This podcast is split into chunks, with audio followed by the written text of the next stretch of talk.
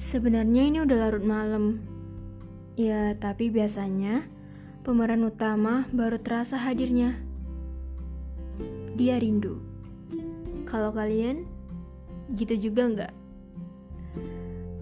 Um, kalau diingat-ingat dulu, aku selalu menghindar terhadap hal itu. Seperti dikejar sesuatu yang ditakuti, tiba-tiba kesel dan jadi sensitif, serba nggak jelas. Parahnya lagi, memaksakan diri untuk lupa. Ya, tapi gak bisa. Akhirnya, menyalahkan keadaan. Kenapa bisa bertemu, kenapa bisa percaya dia, dan masih banyak lagi. Pikiranku pun seperti benang kusut. Dan itu semua ulahnya rindu. Kini itu udah gak berlaku. Sekarang aku gak pernah maksain diri untuk mengusir rasa itu lagi.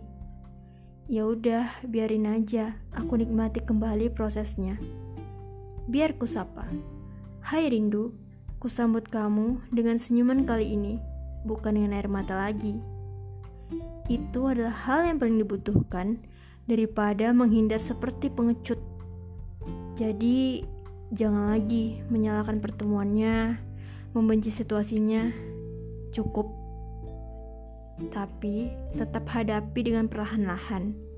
Jangan bersembunyi terhadap hal yang jelas akan kembali menyerangmu.